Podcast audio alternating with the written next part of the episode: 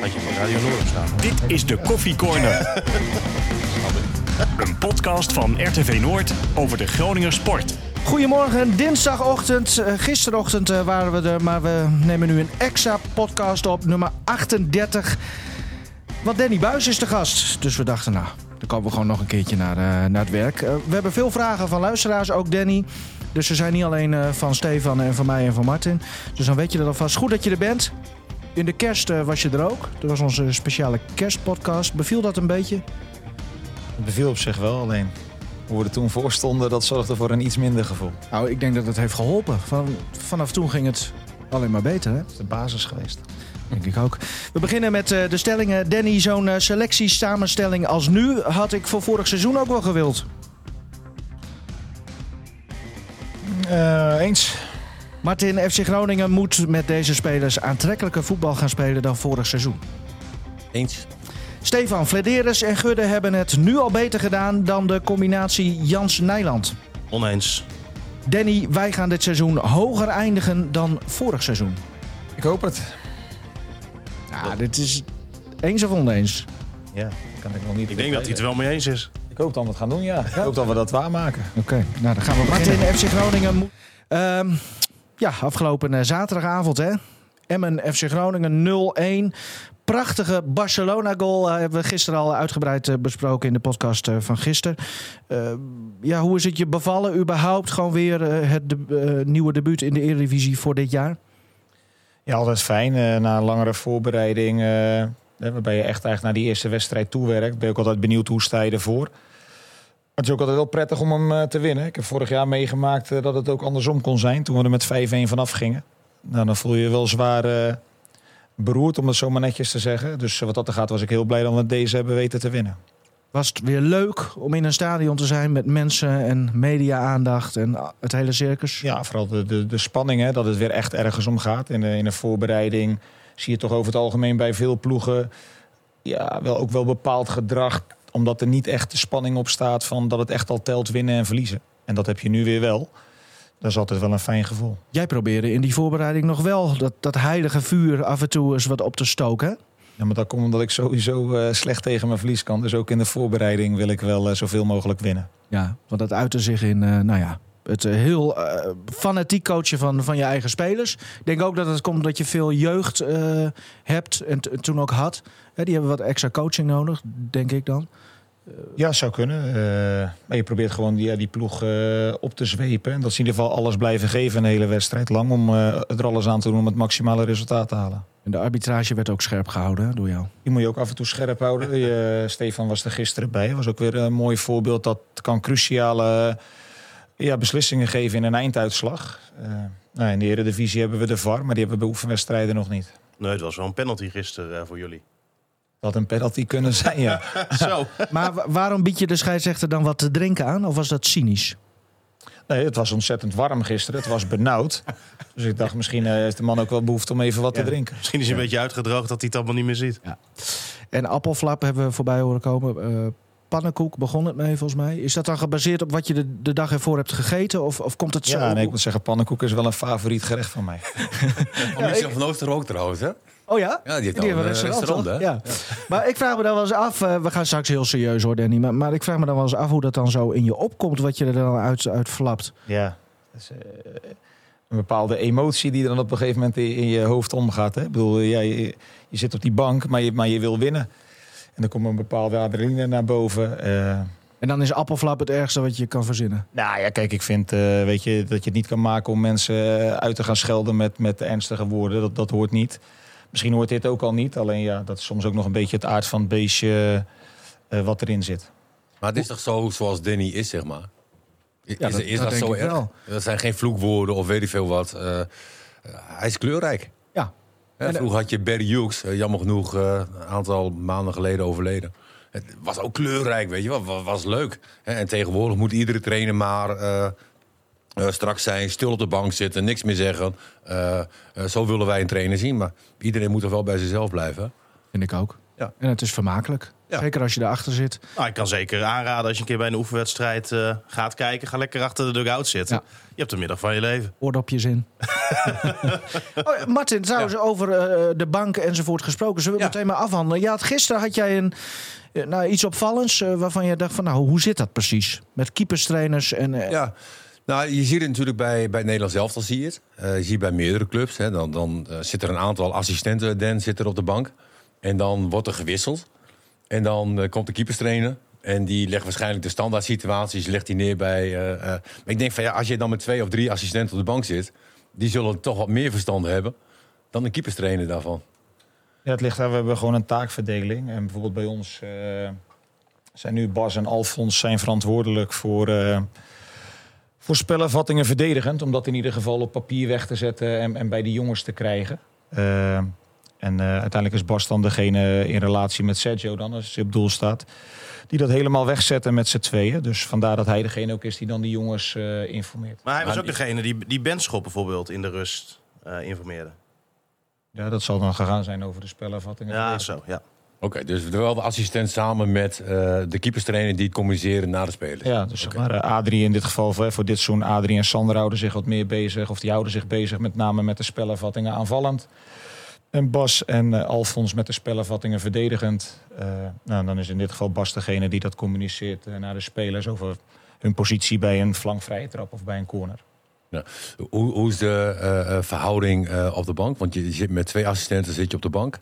Eh, Van Gessel zit op de tribune. Ja. Hoe, hoe werkt dat?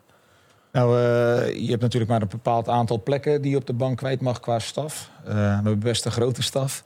Er zijn ook een aantal mensen die niet op de bank kunnen zitten. Maar ik moet ook zeggen, wat prettig is, is dat je een trainer hebt die vanaf boven kijkt. Omdat eh, ervaar je zelf misschien ook nu als je bij wedstrijden bent, dat je het vaak van boven misschien nog wel beter ziet dan wanneer je. Heb je oortjes in?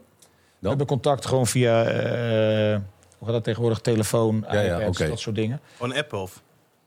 Ja, of... eh, Maar ook gewoon tijdens de eerste helft. Dus, dus dus als wij bijvoorbeeld, zien eh, iets, dan belt hij jullie op. Nou, belt niet, maar dat, dat, dat wordt doorgestuurd naar elkaar. Of bijvoorbeeld als ze op de bank iets zien, eh, hebben ze contact met Sander om dat bijvoorbeeld dat moment al met de videoanalist te selecteren. En zeker in thuiswedstrijden kunnen we dat doen, zodat we dat moment in de rust alweer aan de jongens kunnen laten zien in de kleedkamer. Oké. Dus, en vaak ja, prettig één trainer van boven, goed beeld van boven. Nou, contact tijdens de wedstrijd. Sander is in de rust gewoon erbij in de kleedkamer. En eh tweede helft wederom eh, contact eh, over en weer. Met name tussen de andere assistenten en Sander. En wie, en wie spreekt de groep toe? Is, is dat de hoofdtrainer? Of... Meestal spreek ik de groep toe, maar soms geef ik ook wel eens de, de ruimte aan een andere trainer om iets te zeggen. Want ik bedoel, ja, ze zijn niet voor niks ook trainers. Maar Nee. het grootste Zou- gedeelte wordt door mij gedaan. Zou je zelf niet eens bo- van boven willen zien? Dat je zelf denkt van, nou, misschien toch eens een Eh, keer... we hebben het wel eens gedaan dat bij oefenwedstrijden eh, in het stadion. Eh, vorig jaar, zeg maar, in de interlandweekenden, als we een oefenwedstrijd hadden. Omdat je eh, vaak zie je de, de, de afstanden en de ruimtes zie je veel beter van bovenaf dan wanneer je gewoon echt eh, langs de zijlijn zit. Even terug naar die voorbereiding, eh, waarbij we wat, eh, nou ja, wat, wat, wat scheldwoorden hebben geleerd. Eh, hoe is de voorbereiding jou in het algemeen bevallen? Positief. Eh, we hadden nagenoeg iedereen fit op Samina.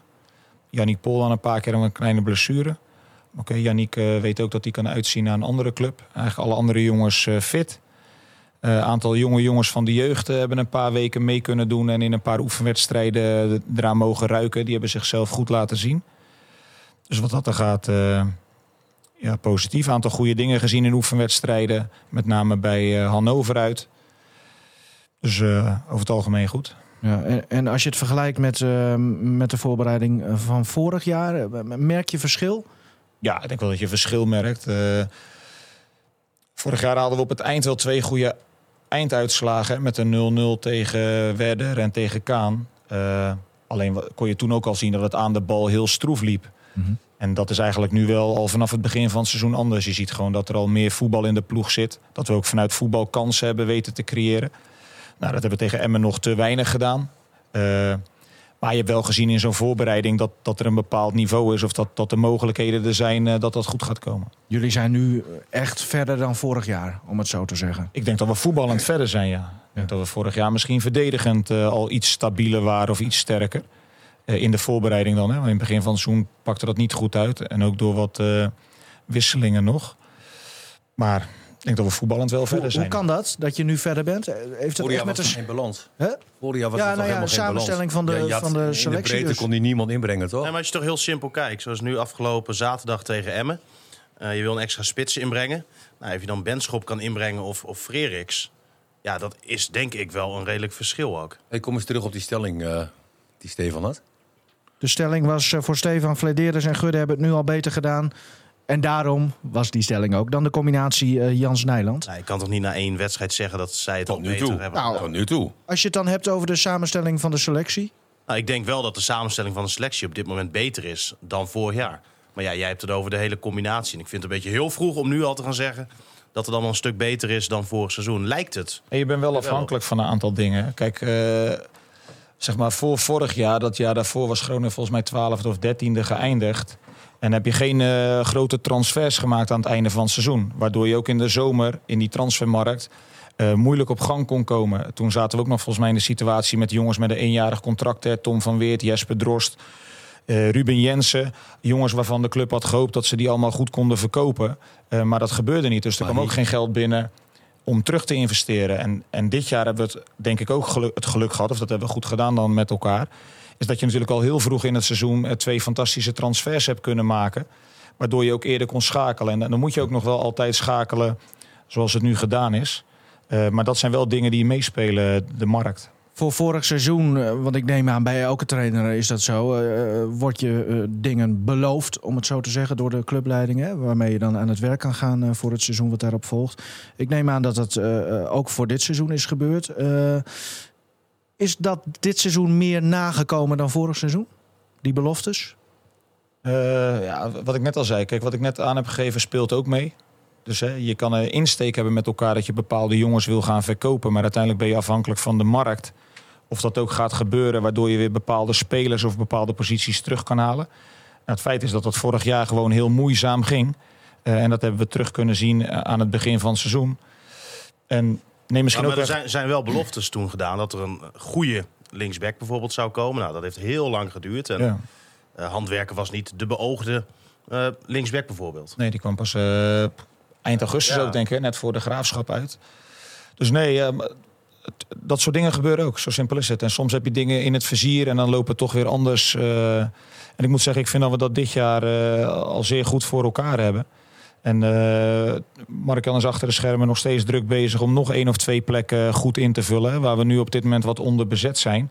Maar oké, hij heeft ook nog een paar weken de tijd. En, maar het kan ook weer de andere kant op gaan. Ja, wie weet wat er in de komende weken nog gaat gebeuren richting spelers die je eigenlijk niet kwijt wil raken. Of waar je ervan uitgaat dat ze blijven. Wat gaat daar nog mee gebeuren de komende weken? Dat zijn altijd spannende weken. Jasper Boer eh, vraagt via Twitter wanneer verwacht Danny weer een nieuwe speler te kunnen begroeten. Sluit er een beetje bij aan.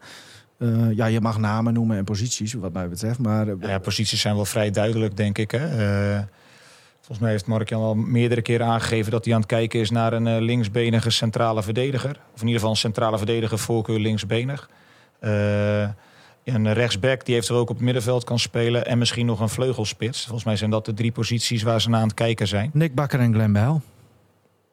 Die stonden toen op de lijstjes. Ja. Ja. Nu gewoon niet meer. Nee, ze hebben volgens mij hun contract verlengd bij ja, maar dat eh, geeft toch niet? Emmen. Betaal je ervoor? Onhandig. Nee, oké, maar ik bedoel, als je in een gesprek bent eh, of, of, of er was contact, hè, volgens mij had Glenn Bijl toen zelfs nog een arbitragezaak aangespannen en dat wordt daarna ingetrokken en het contract wordt daar verlengd, dan, dan is dat fantastisch. Nee, die, die zaak was niet, niet ingetrokken. Alleen er is geen uitspraak gedaan. Omdat het vlak voordat de uitspraak zou zijn... ehm, nou, we waren Ja. ze samen. Maar dat is gesloten boek, die twee jongens. eh, puur omdat ze nu geld kosten. En als ze gratis Ja, waren, je, dan...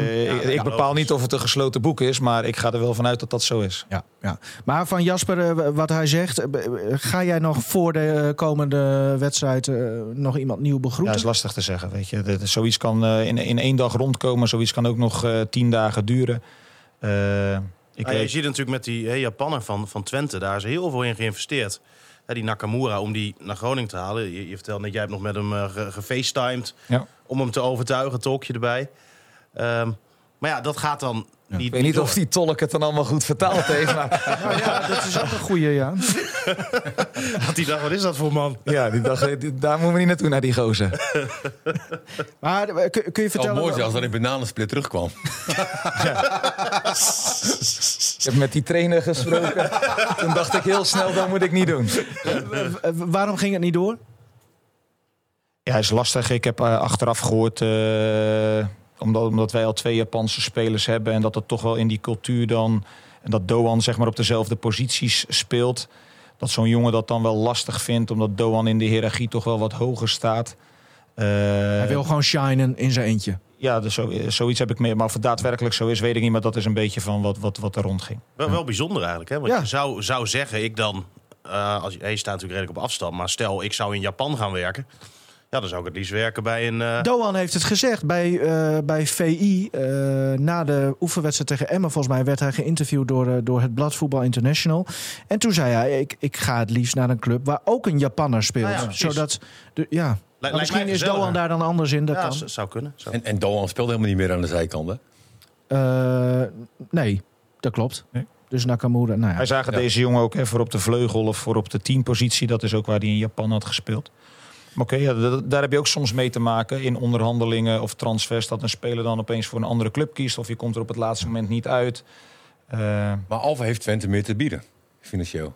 nou, ik, ik, dat, ik- dat kan niet, eh, daar heb ik geen inzicht op.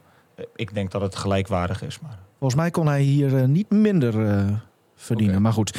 Eh, gelukkig kunnen we hem in ieder geval één keer in de Euroborg zien. Komende zaterdagavond is dat, want dan komt Twente op bezoek. Over Japan is gesproken. Vraag van Dion Volkersma, Danny. Waarom liet je Itakura vorig jaar zo lang warm lopen? Bijvoorbeeld tegen Fortuna Sittard zegt hij 85 minuten. En dan niet laten invallen. Wat is daar de gedachte achter? Ja, dat had. Moet ik even snel terugschakelen. Misschien met dat dat met, te maken, met volgens een blessure te maken, inderdaad. eh, van een van die jongens achterop. Ja, weet je. Maar wat wel opviel was dat hij vorig jaar gewoon eigenlijk alleen maar aan het warmlopen was. Daar kennen we hem van. Ja, nee, klopt. Maar oké, in het begin was het ook lastig. We stonden er heel slecht voor in de winter. Eh, we kregen nog een flink aantal spelers erbij eh, die al de taal spra- spraken. Koos sprak ook geen Engels toen hij kwam in de winter. We hadden ook nog niet een goed beeld van hem, wat nou zijn beste positie eh, is of was. Nou, dan ga je niet zomaar experimenteren midden in het seizoen, terwijl je er slecht voor staat. Eh, en op een gegeven moment draaide het gewoon goed. Dus er was ook weinig reden om, om daarin te gaan wisselen. En vond je Ja. hem nog niet goed genoeg, überhaupt? Op dat, moment, ja, maar op dat moment hadden we gewoon met Samir, met, met Chabot, met Reis, die jongens deden het allemaal goed. Ja, ik ga niet wisselen om dingen uit te gaan proberen terwijl het goed gaat of als het niet goed gaat. En aan de andere kant kijk ik er ook heel simpel tegenaan. Die jongens hebben allemaal een contract. Dus ja, als je moet warm lopen, moet je gewoon warm lopen. Daar, daar, worden ze voor betaald, dat is hun job. En eh, moet je één minuut invallen, moet je één minuut maximaal invallen. En zijn het er 50, 50 en kan je dat niet opbrengen... Ja, dan moet je niet bij mij eh, blijven, dan moet je naar een andere club gaan. Martin, jij knikt Nee. eh, als trainer Hij ook instemmend. woorden, woorden uit Ja, de mond. Maar jij vond het zeker wel leuk om eh, de hele wedstrijd warm te lopen als speler. Ah, ja, k- Ron Jans zei van altijd van Martin, als je warm bent, dan eh, eh, kan je komen. En zonder, zonder te lopen eh, zei ik al trainer, ik ben warm. Weet je, ik had geen warming-up nodig. Ik, Ah, jij hebt een keer heel lang warm gelopen, was volgens mij die salonremise ja, tegen tegen PSV. Dat je op de duur al klaar stond en toen ging je op de duur maar weer lopen. toen liep ik een uur warm. Ja. En de bal ging niet uit. Ik snap wel waar je op doelt. Kijk, als je, wat, eh, als je als elke week als speler eh, 85 moet warm, minuten moet warmlopen en je komt er nooit in, weet je, dan kan ik me voorstellen dat je. Maar als, als het een keertje voorkomt dat de speler met een blessure zit of al met een twijfel aan een wedstrijd begint, ja, weet je, dan Een speler kan zijn warming-up dan ook aanpassen. Als je zo lang warm loopt, zeg maar. Eh, eh, Ja. Het zijn goed betaalde jongens, kom op. Eigenlijk zien wij, eh, wat voor mij hebben we daar nog over gehad, Stefan, zien we Itakura gewoon als nieuwe speler eh, voor dit seizoen. Eh, Nou, eigenlijk wel, ja. wie van de nieuwe spelers heeft zich het snelste aangepast, vraagt, vraagt Goris Senko. Danny? aan mij of aan Stefan. nee, ja, maar jou die. Sanko? Eh, nou, een aantal, ik moet zeggen, ik vind sowieso, ja, Co heeft dan het voordeel gehad dat hij er al een half jaar zat. Maar eh, is nog even met Japan meegegaan naar eh, de Copa hè, in eh, Zuid-Amerika. Heeft hij ook nog twee wedstrijden gespeeld. Maar maakt een hele goede indruk sinds hij terug is. Maar ik vind ook eh, andere jongens, eh, Gabriel, prima aangepast. eh, Ramon, prima aangepast. Eh, Azor, prima aangepast. Dat vind ik zo'n leuk ventje. Ja, nee, maar... Ventje? Nou, Ah, joh, die, maar die loopt niet altijd tegen te komen s'nachts. met, met, met die glimlach van hem, joh. Ja. nee, maar nu ook de, de jongens die er nog later bij zijn gekomen met Charlie en met Bart. Echt, eh, op dit moment gaat dat prima. Genoeg ervaring nu ook? Nou, zeker door de komst van Bart en van eh, Charlie krijg je twee jongens met heel veel ervaring erbij. We hebben natuurlijk nog met Marco van Duinen in de eh, opvolger van Bejois, een keeper met ervaring erbij. Je had natuurlijk al Mike, en Sergio, eh, Mike Sergio en Samir. En Samir is dan op dit moment gezet. Dus je hebt toch in één keer wel weer gewoon zes eh, jongens met een hoop ervaring in die groep. Eh, en ook qua leeftijd ervaring. Dus nou, prima. Prima. Het zonnetje Vorig schijnt Dan heb je hem heel vaak maar één spits gespeeld, zeg maar. Hè, En nou, nu speelde hij met spits en dan eh eh, Doan daaromheen. Eh, is, is het ook een overweging om samen met Benschop te gaan spelen, Sierhuis en Benschop? En dan met Doan op 10? Of Zeker. Maar het, het, hou je vast aan twee Nee, nee. verdedigende middenvelders? Kijk, vorig jaar in het begin was lastig natuurlijk. Hè. Toen hadden we ook niet, vind ik, heel veel mogelijkheden. Mimoen viel al heel snel weg in het seizoen. Tom van Weert ging natuurlijk weg, kwam Yannick Pol. Maar Yannick Pol raakte gelijk geblesseerd. Dus op een gegeven moment had je ook weinig keus daar om bijvoorbeeld met twee echte spitsen te spelen. Ehm, later na de winter hebben we dat wel een paar keer gedaan nog. Hè, in de combi met Paul en met Kai. Maar dat was zeg maar meer richting het einde van het seizoen. Dat is absoluut een optie. Alleen betekent dat één ding. Zowel Kai als Charlie moeten dan eh, wel topfit zijn. Want als je met twee echte spitsen gaat spelen, maar ook nog met hele creatieve spelers daarachter en op de flanken, ja, dan wordt er wel wat gevraagd van die jongens. En ik vind dat we daar op dit moment nog niet klaar voor zijn. Ze zijn ook nog niet topfit, eh, bedoel je daarmee te zeggen? Nee, want ja, het is logisch. Eh, Charlie heeft vorig jaar aan het einde van het seizoen met de graafschap. eh, toen nog hè, met, die, met die midweekse wedstrijd hier in april. In die, in die fase met het drukprogramma heeft hij een blessure opgelopen. Hij is later ingestroomd in de zomer. Heeft ook soms nog wel wat moeite met de schakeling naar kunstgras. Daar ondervindt hij over het algemeen ja. wel wat last van. Ook op trainingen. Dus ja, het belangrijkste is om hem heel te houden. Want je hebt wel kunnen zien dat. eh, dat een hele belangrijke speler voor ons Wat, kan wat en voor last ondervindt hij daarvan dan? Ja, de ene speler reageert gewoon wat sneller op een prikkel als, die op kunst, als je altijd op gras traint en dan in één keer op kunstgras. De een reageert daar net wat, wat anders op dan de ander. Eh, en daar heeft hij ook wel wat last van. En misschien ook omdat je, misschien, weet ik niet, omdat het wat ouder wordt. Ehm, en, en Kai heeft in de voorbereiding ook wat eh, met, met, de- met de kuit een beetje een paar keer lopen tobben. Waardoor we ook in die minuten wat, wat lager zijn gaan zitten. Omdat we niet wilden dat hij een blessure op zou lopen. Dus nou ja, dan moet je soms wat, wat meer geduld hebben. En we hebben ook niet alles uit kunnen proberen in de voorbereiding. Want ja, die is ook niet heel lang. Eh, Doan, Charlie, allemaal jongens die pas na drie weken of na drieënhalve week erbij kwamen. Ja, je gaat ook niet dan in die laatste drie weken alles uit zitten proberen. Je pakt gewoon een vertrekpunt en dan gaan we in dit seizoen eh, kijken waar we uiteindelijk terecht gaan komen. Zie jij een andere Doan nu dan dat we eigenlijk vorig seizoen hebben gezien? Er werd natuurlijk heel veel eigenlijk van hem verwacht. Hij heeft het ja, mondjesmaat kunnen, kunnen laten zien uiteindelijk. Eh, maar nu heeft hij Nou, de natuurlijk... eerste helft van de competitie wel. Alleen toen de betere spelers kwamen, toen viel hij... Ook omdat hij eh, met, Nou, zijn land weg moest. Nee, steeds, toen, we viel hij, toen viel hij wel weg. hoor. Over het algemeen me- meer van, hè, van hem verwacht. We hebben Ja. het een paar keer wel gezien. Ik kan nog een prachtige goal tegen Herenveen onder andere herinneren. Maar de tweede seizoenshelft, nou, volgens mij geen assist gegeven. En misschien- Op het eind nog even met die wereldgoal tegen Fortuna natuurlijk. Ja. En Ja, in de play-offs tegen Vitesse Ja. thuis speelde hij ook echt heel goed. Klopt, maar, Maar hij heeft een, hij heeft, ja, hij heeft een eh, moeilijke fase gehad na de winter. Maar ook, die jongen heeft ook wel aardig wat voor zijn kiezen gehad. Mhm. Eh, ik, heb dat vaker geroepen. Dat neemt ook niet iedereen maar altijd in dank af. Maar ik blijf het gewoon doen. om- omdat ik vind het zijn feiten. Is ook nog steeds een hele jonge jongen. Eh, die vorig jaar in één keer A-international, daarvoor al, maar vorig jaar een heel jaar lang A-international van Japan. Als je ziet wat zo'n jongen meemaakt in interlandweekenden, waarin misschien het merendeel van onze groep vrij is. Stapt zo'n jongen eh, op zondag in het vliegtuig met tijdverschil, moet daar twee interlands spelen, komt op donderdag weer terug met tijdverschil, met jetlag. En op zaterdag gelijk weer voetballen. Is heel de winter doorgegaan, wat Martin terecht zegt. Eh, met die Azië Cup, geloof ik. Het was te veel. Kom, ja, maar dan is het ook logisch dat zo'n jongen op een gegeven moment een keer in een mindere fase komt. Alle dingen die eromheen komen kijken voor zo'n jongen met media-aandacht vanuit Japan, eh, sponsorcontracten, eh, zaakwaarnemers die, die bij zo'n jongen bezig zijn om transfers te maken. Ja, Is het dan bijvoorbeeld slim, hè? want hij is dan vorig seizoen eh, ook... Het, wat je zegt, het is allemaal heel erg te verklaren. Ik, ik begrijp het ook heel goed, maar dan gaat hij weer ergens... en zijn jullie twee, drie dagen vrij... en dan vliegt meneer naar Zwitserland om een sponsorcontract te ondertekenen. denk ik van ja, dat zijn dan misschien dingen... dat, een goede zaakwaarnemer ook tegen hem zou zeggen... ik vlieg wel even die kant op. Ehm, doe dat Eens. even niet, hè? eens. Alleen dat gaat tegenwoordig, Steven, om zoveel belangen, zoveel geld. Er zitten zoveel mensen achter die hem misschien juist wel pushen om dat te gaan doen. En daar moet hij zijn eigen weg in gaan vinden. En, en de een pakt dat weer wat sneller op dan de ander. Soms moet je ook ervaren in het leven dat je een keer een verkeerde keus maakt. En dat je dan later tegen jezelf zegt: Ja, dat had ik misschien achteraf anders moeten doen. En een grapje Eh, bijvoorbeeld. Ja, met een grapje bijvoorbeeld op 1 april. Eh, maar eh, Nee, maar dat zijn dingen die erbij komen. En wat misschien ook meespeelde, daar kan je ook niet omheen. Vorig jaar blonken wij niet uit in voetballen. Wij blonken vooral uit in verdedigen en met een bepaalde teamspirit punten halen. En Doan is natuurlijk, zijn kracht ligt wel in het voetballen. Als je ziet hoeveel energie hij, maar ook een Mimoen en de anderen ook, maar dit zijn dan hele creatieve jongens, hebben geleverd in het verdedigen om punten te halen. Dat was heel positief. Alleen daardoor hebben ze zich misschien ook minder kunnen laten zien aan de bal. Hou je nog rekening met een vertrek van Doan? Kan, kan, van alles gebeuren, absoluut. Het is niet zo dat ik elke dag wakker lig dat het gaat gebeuren, maar het, het kan wel gebeuren. Goedmundsson eh, noemde je al als een van de nieuwelingen. Anna Kalk vraagt eh, hoe is het eigenlijk met hem? Want hij eh, raakte geblesseerd eh, afgelopen zaterdag. Ja, Oh, nou hier. Ja, daar ga je al. Neem maar even op. Nee? Nee, ik druk hem net weg. Oké. ik, wil, ik wil wel terugbellen hoor.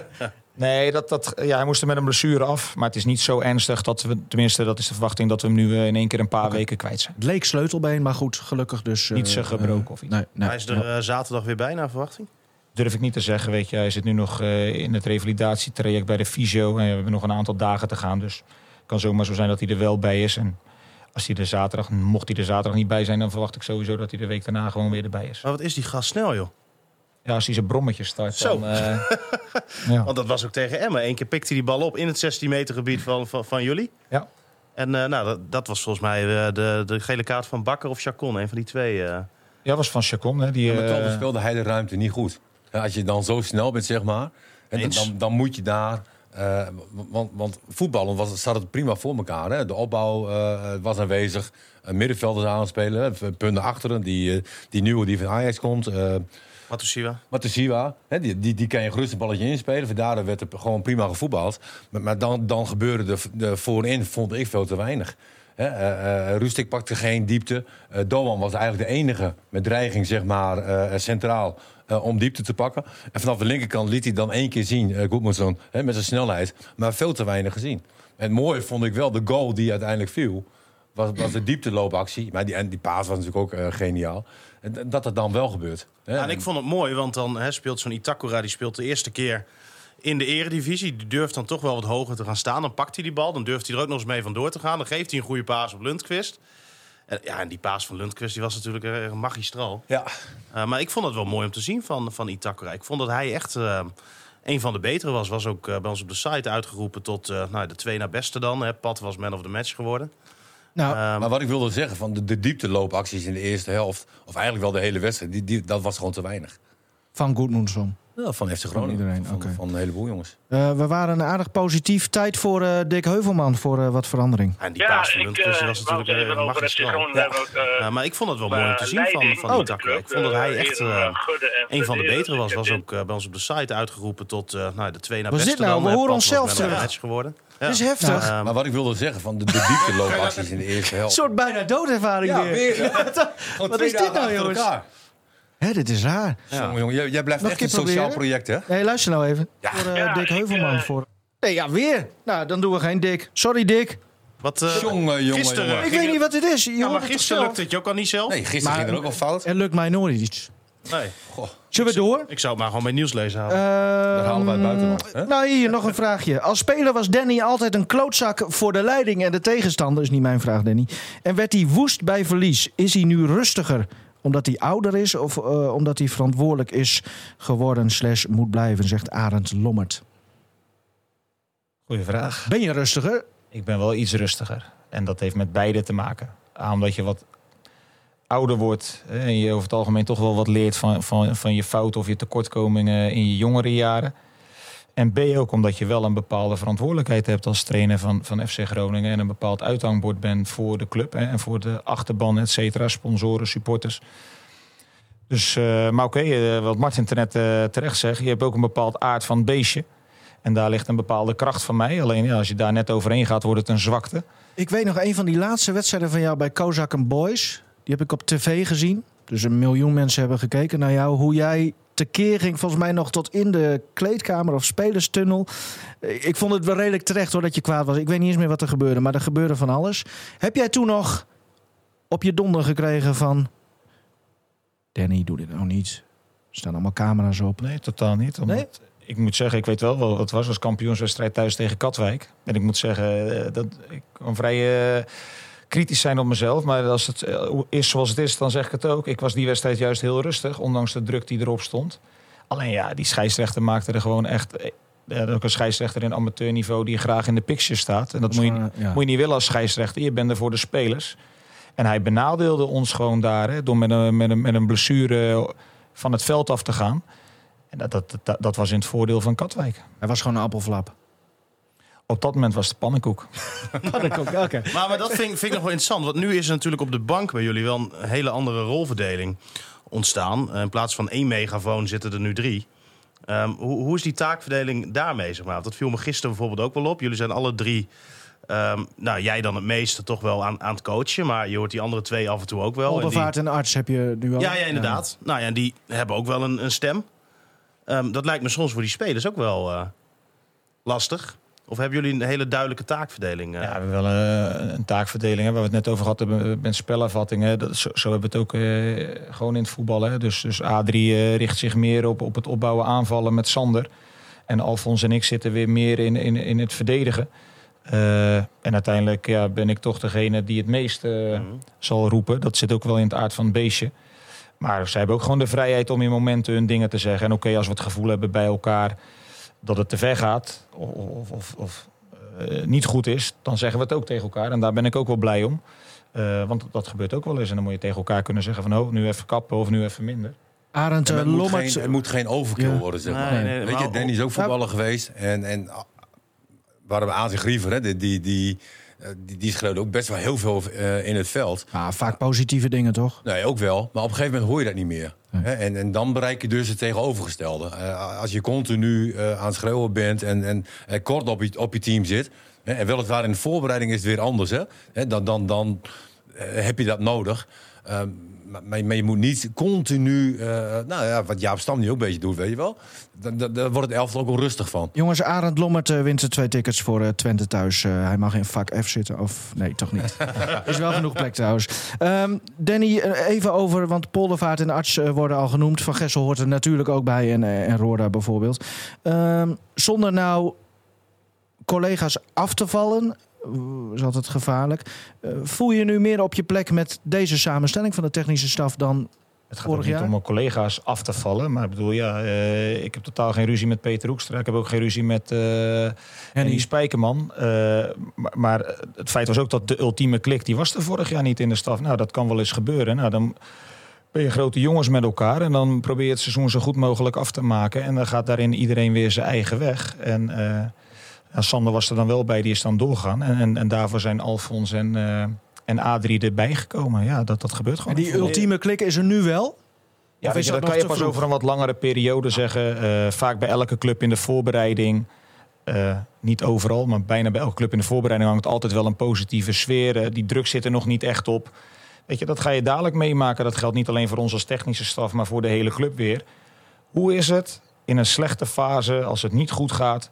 Blijven mensen dan achter elkaar staan of gaan mensen hun eigen hachje proberen te redden? Ga je elkaar afvallen of blijven je elkaar steunen?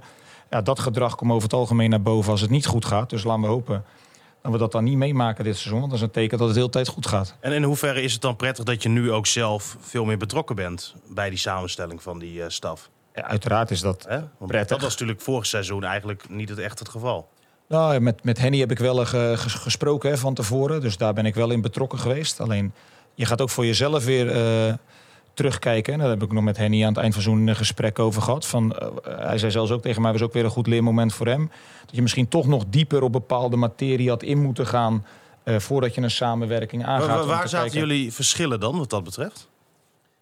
Ja, het is, er komt zoveel bij kijken. Invulling van trainingen, eh, waar we het net over gehad hebben, taakverdelingen. Dus wat geef je? Je moet ook dingen uit handen geven als hoofdtrainer, want je kan niet alles alleen doen.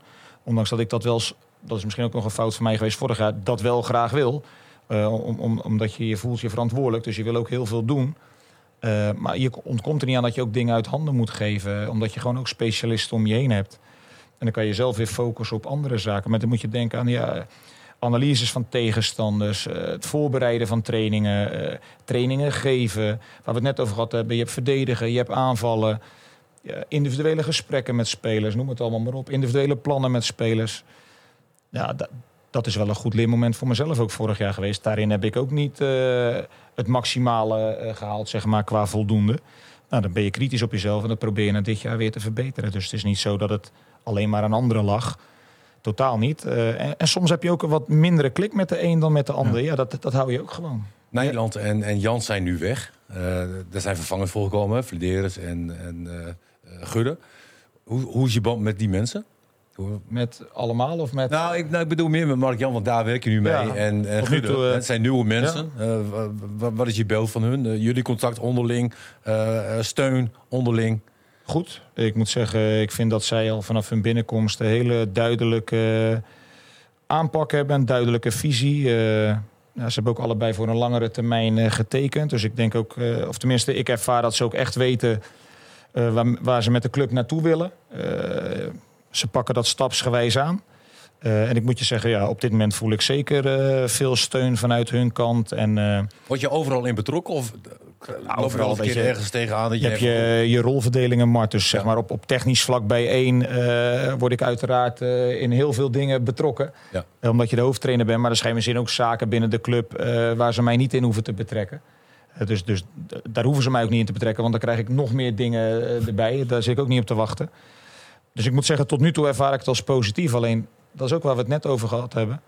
Weet je, je hebt nu eh, de aanloop naar dit seizoen gehad. Je hebt de voorbereiding gehad. Je hebt je eerste competitiewedstrijd had gewonnen. Alles valt of staat dadelijk in de voetballerij. Geldt bij elke club in mindere fases. Hoe, hoe knok je daar doorheen als club? En ik moet zeggen, eh, uiteindelijk hebben we dat vorig jaar heel goed gedaan. Ondanks dat er natuurlijk ook wel de nodige dingen gebeurd zijn eh, binnen de club, achter de schermen. Maar uiteindelijk hebben we er wel voor gezorgd dat we hem hebben weten om te draaien. Want er zijn ook genoeg voorbeelden van clubs die dat niet lukt. Mhm. Waarbij alles uit elkaar valt en waar ze aan het eind van de rit gewoon degraderen. Je hebt het over eh, ook een beetje inspraken in het beleid. En dan vooral het eh, technische beleid. Eh, Niels Blonde Zeefuik, zo heet hij vast niet echt. die wil weten in hoeverre jij ook je stem hebt in het, in het aankoopbeleid. Ik word er uiteraard in betrokken. Ik bepaal niet welke speler er komt. Dat, ligt bij, dat lag vorig jaar bij Ron Jans en bij de directie. Ron was technisch manager en, en, en dus bij de directie eh, Hans en Robert. Eh, en nu ligt dat wederom eh, bij de directie. Maar nu hebben we een TD, Mark-Jan Frederis. Dus Mark-Jan is gewoon hoofdverantwoordelijk voor wie er uiteindelijk wel of niet komt. Stel dat hij met een speler aankomt waarvan jij echt 100% van overtuigd bent dat dat niet het goede is voor jouw selectie. Heb jij dan een soort ja, recht om, om te zeggen, hij gaat niet door?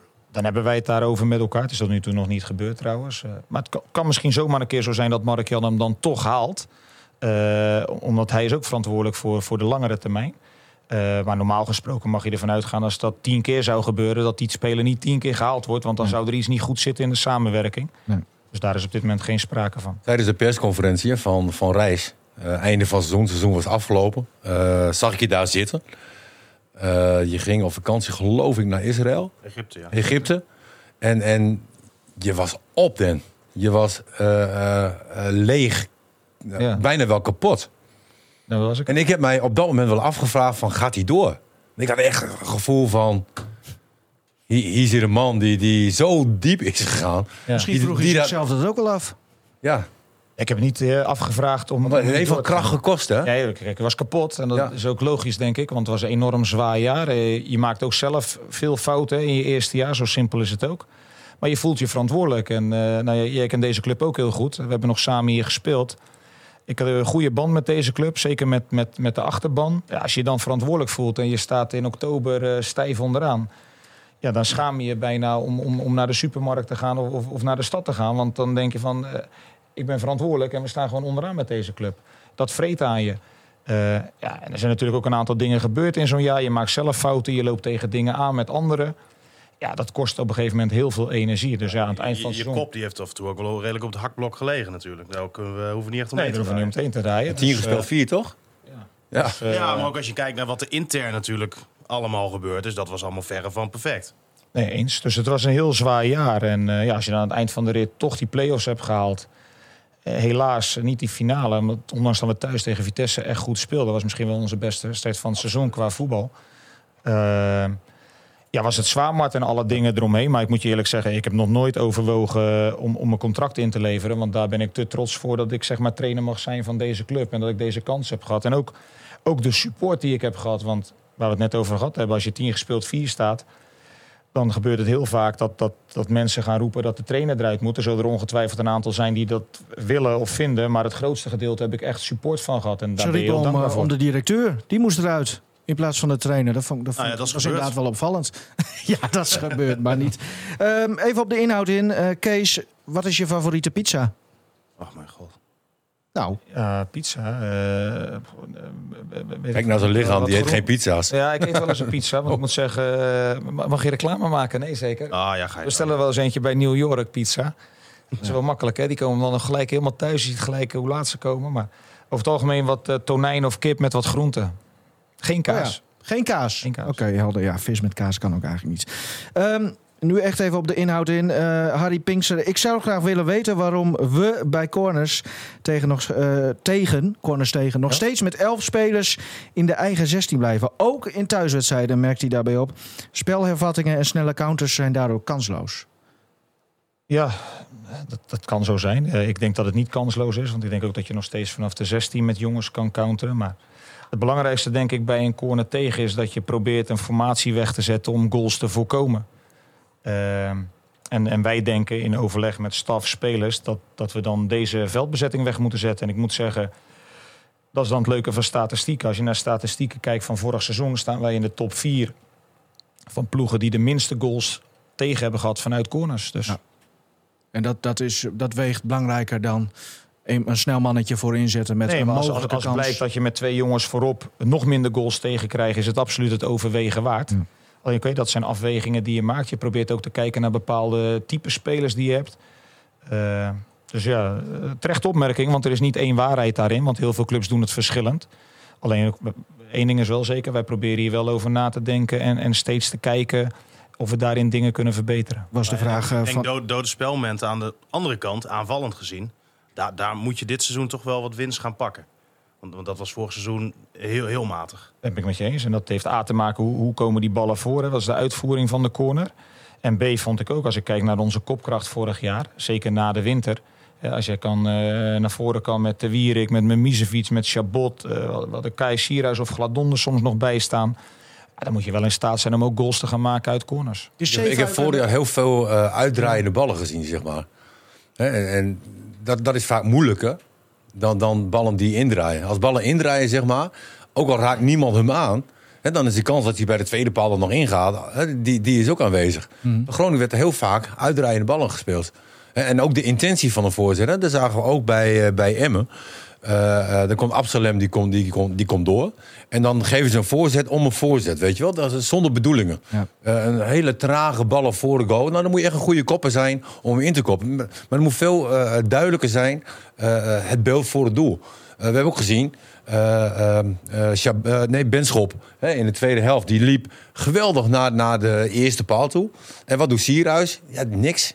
Weet je, en, en daar gaat het dus om. Dus, Nog dus dat je die- daarin een keuze maakt. Daarin valt heel veel winst te halen. Nog even over die koppers. Eh, volgens mij kan Zeefuik het allerhoogste springen van de hele selectie.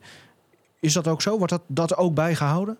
Ja, want we hebben niet voor niks soms hè, bij een aftrap of, of Ja. vanuit Sergio. eh, Ik bedoel, als Deo daar een kopduel aan moet gaan. eh, volgens mij heeft hij er nog geen één verloren. Eh, dus dat, die, die heeft een enorme sprongkracht en timing. Is dat dan een, eh, zie je hem dan ook als aanvallende kopper of is het vooral een verdedigende? Zou zomaar kopper? kunnen, want eh, er zijn ook weer twee afwegingen. Soms hou je hem achterop met zijn snelheid ten opzichte van misschien een spits van de tegenpartij als je wat risico's moet nemen.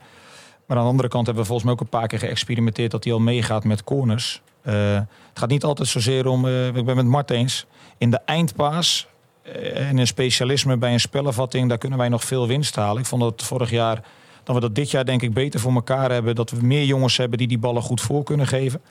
Eh, want daar schortte het vorig jaar ook nog wel eens aan. Maar ik ben ook met Martin eens, als je naar Emma uitkijkt, kom een aantal keer goed door op de flanken. Ja, dan gaat het gewoon om een eindpaas. En, en daar waren we echt heel slordig in. Want als spitsen daar die goals moeten maken, moesten ook wel goede ballen krijgen. Dat is ook wel het moeilijkste in het voetbal, hè? Wat? De laatste fase. Ja. Dat is het moeilijkste. Nou, dat is niet alleen in het voetbal. In Nee, alles. maar wij hebben het voornamelijk over voetbal. eh. Statistieken eh, werd, werd net al genoemd. Eh, eh, daar wil ik graag even op doorgaan. Jullie hebben Wes Beuvink gehaald. 20-jarige jongen uit eh Oldenzaal van Sai Sports. Eh, dat bedrijf dat, dat onderzoekt spelers en, en, en teams aan de hand van nou, vooral statistieken en data. Is dat heel revolutionair bij de FC nu? Of Ik vind sowieso dat sinds mijn komst hier vorig jaar... dat, dat de club op een aantal vlakken echt eh, het uitstekend voor elkaar heeft. Ook op een aantal vlakken ligt nog heel veel verbetering. Maar op een aantal vlakken hebben ze het goed voor elkaar. En als je kijkt naar, naar de gebruik van data... of als ik vorig jaar kijk naar fysiek...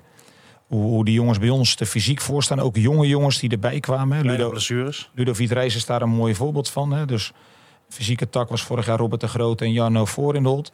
Ja, dat, dat, daar was ik echt van onder de indruk. En ook op die data scoorden wij enorm hoog. Ik ben met Stefan eens heel weinig spierblessures. Maar ook als je kijkt naar de hoeveelheid sprints, het volhouden daarvan. eh, High intensity. High intensity sprints. runs, Ja. noem het allemaal maar op. Ja. Ja. Wat, wat gaat eh, eh, Wes voor jullie doen? Nou, Wes gaat wel een rol in de scouting. Ik heb Wes zelf nog niet gesproken. Dat, dat, dat is ook mijn taak niet.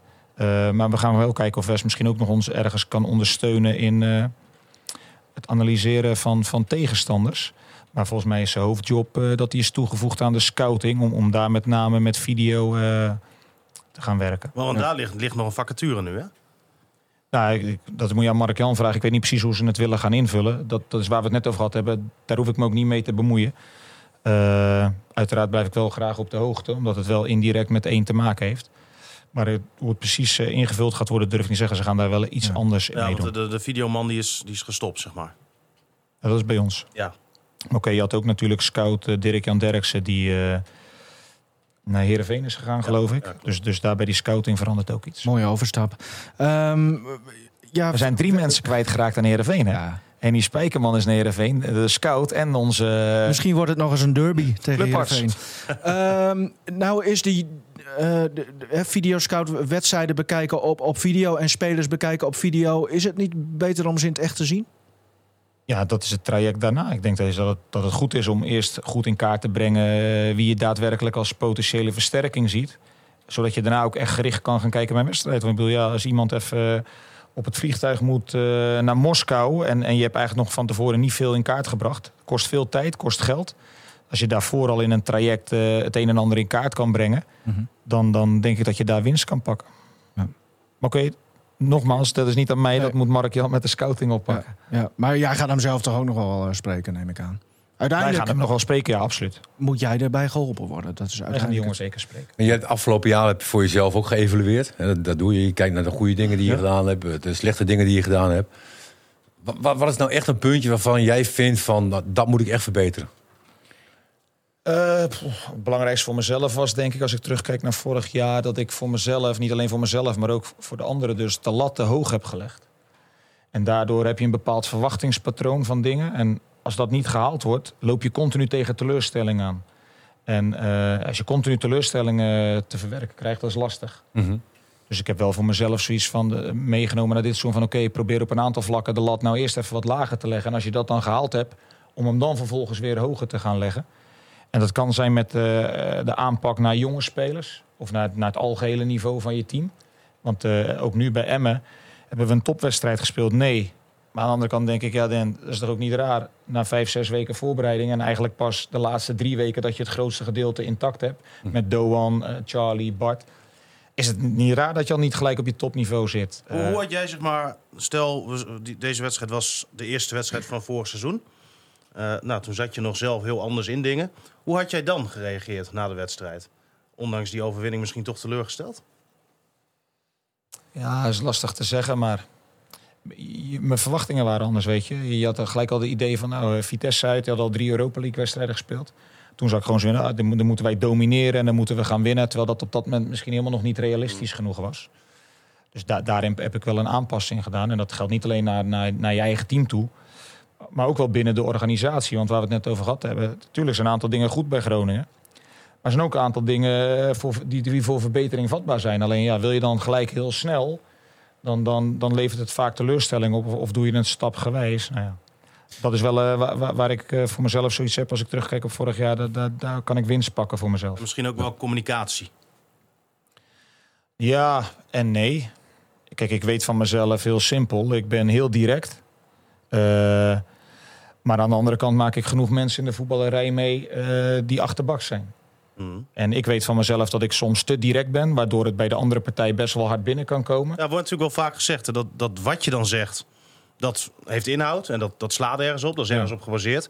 Maar hoe je het dan zegt, Ehm, dat zorgt ervoor dat juist die inhoud niet overkomt. Nee, maar dan, dat heeft, eh, A, ben ik het daarmee eens hoor. Want ik kan soms best wel hard overkomen, maar ik gebruik geen scheldwoorden.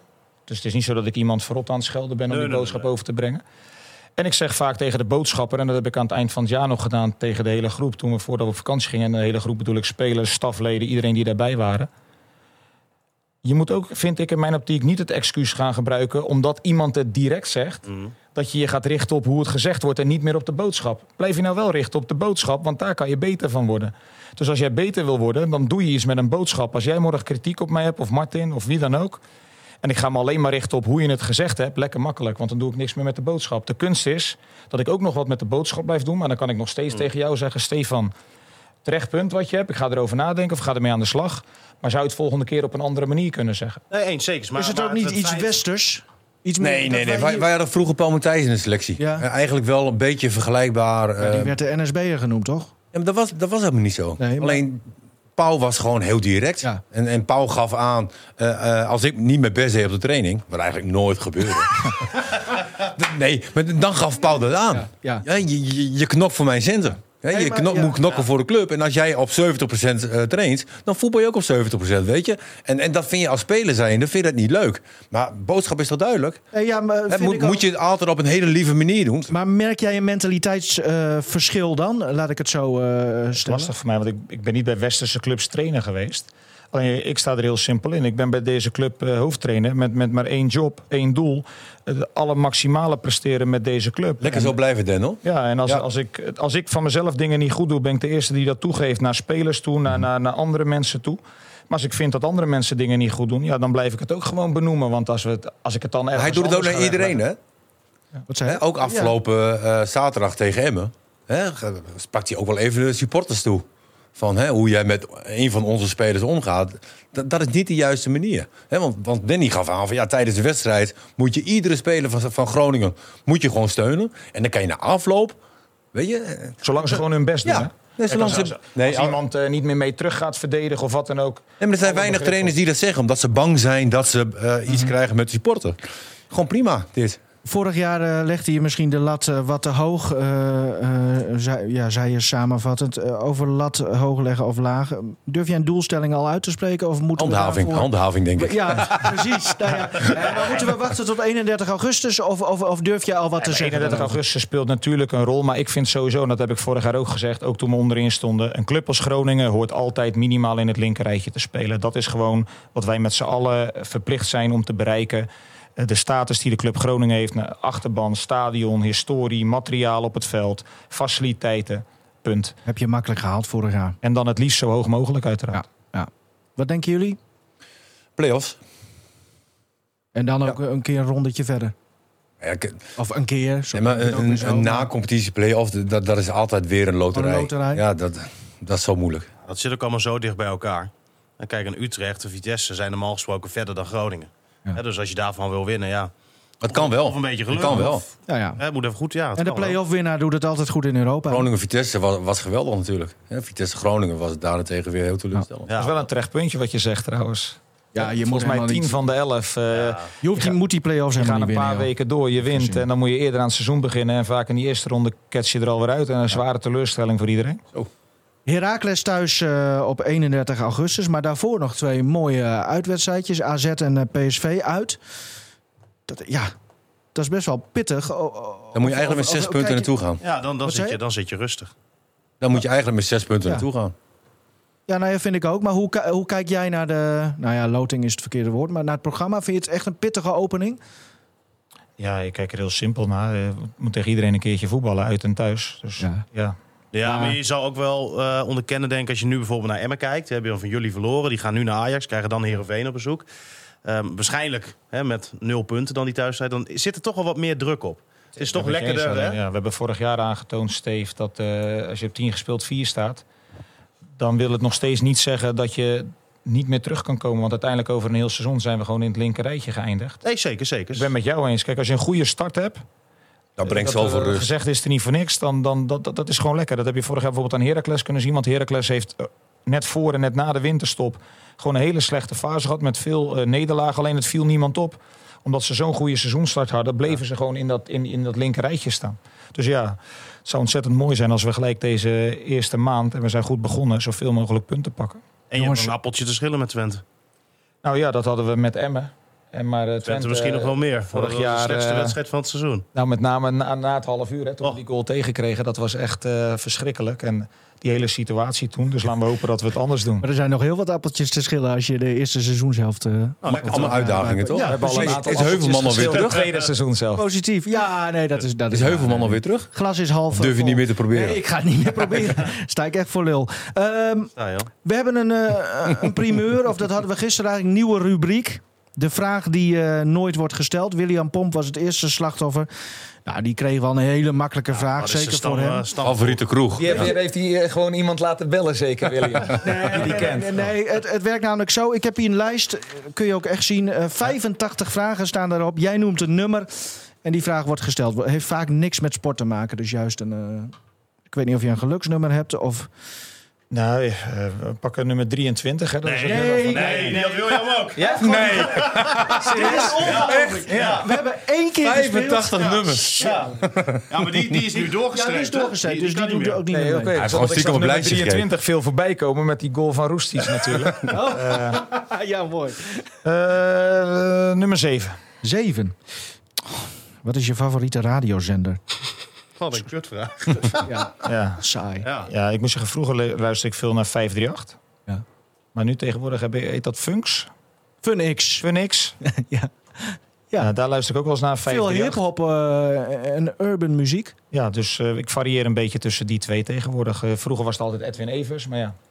ja, dat was mooi. Je kunt ook wel eens Radio Noord luisteren hoor. Is prima, nee, maar als ik heel eerlijk ben, eh, doe ik dat zelden. Want? Muziek? Nou, A zit ik al, ja, ik zit wel veel in de auto, maar dan ben je vaak aan het bellen. Dus dan eh, heb je geen muziek. En vaak zijn het korte afstanden. Dus dan heb ik over het algemeen als automatisme eh, de andere twee zenders op. Ik had in jou wel een hardstyle eh, man verwacht. Hardstyle, nee. Ja. nee. Nee? Oké, nou ja, prima. Mag ik weten, want je hebt een hele mooie, je hebt een t-shirt aan nu, dat zien we niet zo vaak. Want vaak hè, op tv eh, zien we jou met lange mouwen. Je hebt echt, Ik schrok wel. arm is- Ik- Jij schrok? Ik had, nou, schrok, ik had dat nog nooit gezien. Oh, Bij je, Danny. komt in- je woont in Emmen, dan zie je dat toch geregeld? Nee, kijk, iedereen heeft het. Alleen, ik, ik wist niet dat hij er had. Want het, is, het zijn tribals, d- eh, dat klopt. Ja. Je, aan de schouders, hè? Ja, nog wel verder, maar dat zien jullie dan Ja, nu niet. dat hoeft ook niet hoor. Maar, Er maar komt nog een fotootje bij, hè? heeft het een, een, een betekenis? Nee, het heeft niet zozeer betekenis. In mijn familie, een aantal eh, ooms, eh, tantes hebben dat ook. Dus eh, misschien dat het zo ooit gekomen is. Maar ik vind tatoeages mooi. Eh, dus vandaar dat ik ze heb. Alleen oké, ik, ik probeer ze wel zoveel mogelijk tijdens wedstrijden af te dekken. Ja? Want?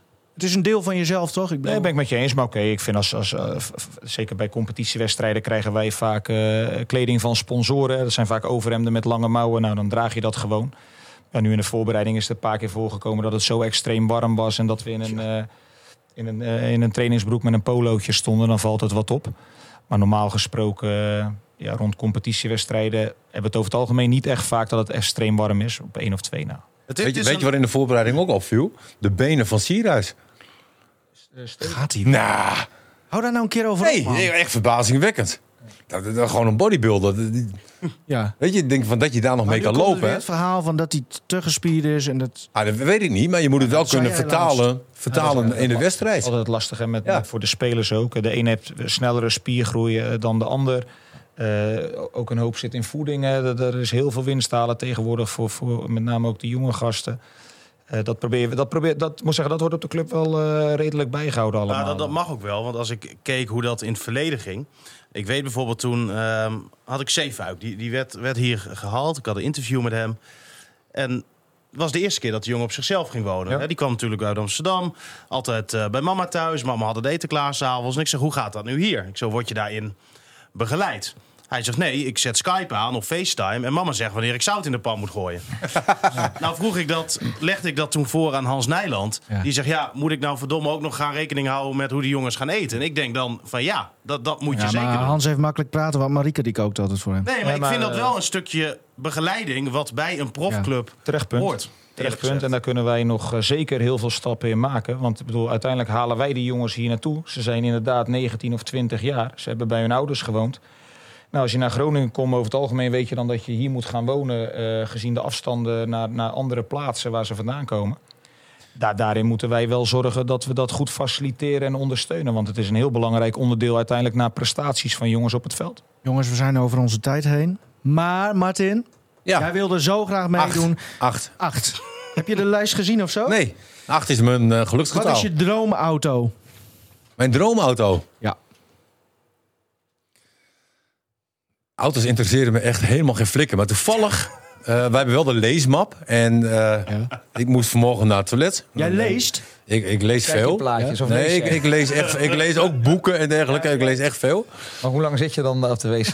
Nou, nou dan, worden, dan is eigenlijk alles alweer opgedroogd. dus ik zit, ik zit best wel eh, lang. Ja. En eh, ik zag de autoweek werd de, de Peugeot 508 eh, werd in combinatie gezet met de Mercedes nog iets. En die Peugeot die was 53.000 euro en de Mercedes was 42. Ik vond, die, ik vond die, ja, ik vond die Mercedes die vond ik echt heel erg mooi. Ja. Maar wat voor Mercedes dat was, weet ik niet. Maar wat is Nou, de auto? een Mercedes 10.000 euro goedkoper zijn Dat dan vraag ik mij dan ook af. Dat is ook Dat vraag ik mij dan ook af. Ja. moest die motor er nog in bij die Mercedes? Ja, met Peugeot was normaal gesproken wel wat goedkoper. Maar Ja. deze Peugeot was duurder dan eh, de Mercedes. Maar ik vond dat een hele mooie Mercedes voor een eh, betaalbare prijs. Ben jij een automan, eh, Danny? Nee, ik sluit me bij Martin aan. De auto's boeit mij echt ook totaal niet. Oké. Nou, Ja, mooie vraag man. Leuk. en je drinkt Spa Blauw. Dat was vorige jaren. Ja, Ja. beetje Ja. saai ben je, hè? Ja, saai hè? Dus, maar ik moet je zeggen, het maakt- ja, wij rijden dan nu in Mercedes vanuit de club. Vroeger reden we in Opel, hè? Opel van de Molen toen de tijd. Maar ik rijd ook net zo makkelijk in een eh, Twingo. Of, eh, maakt me echt niet uit. Nou, ik heb een Suzuki Alto. Ja, die is mooi. We breiden de Rijn aan, eh, jongens. Dit was aflevering 38 van de Coffee Corner. Volgende week zijn we er weer. En eh, zaterdagavond natuurlijk Groningen-Twente. Aftrap half zeven live te volgen via Radio Noord. Vanaf 6 uur beginnen we. Wie, wie is aan de analist? Moet ik nog regelen. Oh. nee, Martin, jij krijgt genoeg geld van ons. Alle podcasts eh, zijn te beluisteren via rtvnoord.nl. Maar ik wil die Mercedes. Podcast. Of zoek op Coffee Corner in eh, Spotify of Apple Podcasts. Bedankt, eh, Danny, dat je er was. Graag gedaan.